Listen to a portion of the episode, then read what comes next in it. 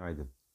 Yurt dışında dün açıklanan verilerde İngiltere'de yıllık tüfe Eylül ayında %3.1 artış göstererek %3.2'lik beklentilerin altında gerçekleşti. Almanya'da üfe ise Eylül ayında %1'lik beklentilerin üzerinde %2.3 artış gösterdi. Üfe Ağustos ayında %1.5'luk artış göstermişti. Böylece yıllık üfe Almanya'da %12'den %14.2'ye yükseldi. Ee, Amerika'da FED dün yayınladığı Beige Book raporunda ülkede ekonominin ılımlı orta hızda büyüdüğünü kaydetti. Raporda bazı FED bölgelerinin tedarik zinciri sıkıntıları, iş gücü eksiklikleri ve yeni tip koronavirüs varyantına dair belirsizlik nedeniyle büyüme hızının bu dönem yavaşladığını bildirdiği aktarıldı. Amerika'da büyük şirketlerin güçlü gelmeye devam eden 3. çeyrek bilançoları piyasalardaki pozitif seyirde şu an için en etkili neden. Bu sabah Amerika'da vadeli endeksler hafif negatif bir seyir izlerken e, haftalık işsizlik başvuruları verileri izlenecek olan en önemli veri olarak öne çıkmakta.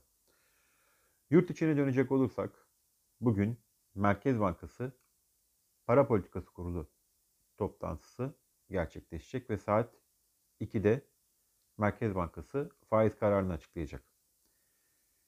Piyasa beklentisi ve bizim beklentimiz Merkez Bankası'nın politika faizini 50 bas puan daha indirerek %17,5'a çekmesi yönünde. Merkez Bankası'nın enflasyona arizi unsurları ayrıştırarak bakmak gerektiğine dair söylemi sonrasında çekirdek enflasyon gerçekleşmeleri Merkez Bankası kararları açısından daha önemli hale gelmişti. Bu doğrultuda en yakından takip edilen çekirdek endeksler olan B ve C endekslerine göre enflasyon sırasıyla %18.63 ve %16.98 olmuştu. Önceki aya göre artış göstermesine karşılık Merkez Bankası'nın enflasyon üzerindeki yukarı yönlü riskleri geçici görmesi nedeniyle indirimlere devam edebileceğini düşünüyoruz.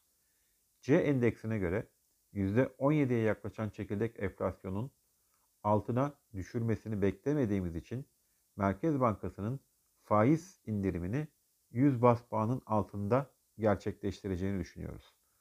Borsa İstanbul'da 3. çeyrek finansallara ilişkin olumlu beklentiler de endeksi pozitif yönde etkiliyor. Son iki işlem günü 50 günlük hareketli ortalama seviyesinin bulunduğu 1427 puan seviyesi üzerinde kapanış gösteren endeks için 200 günlük harekette ortalamanın bulunduğu 1447 puan seviyesi öncelikli hedef genç konumunu korumaktadır. İyi günler, bereketli kazançlar.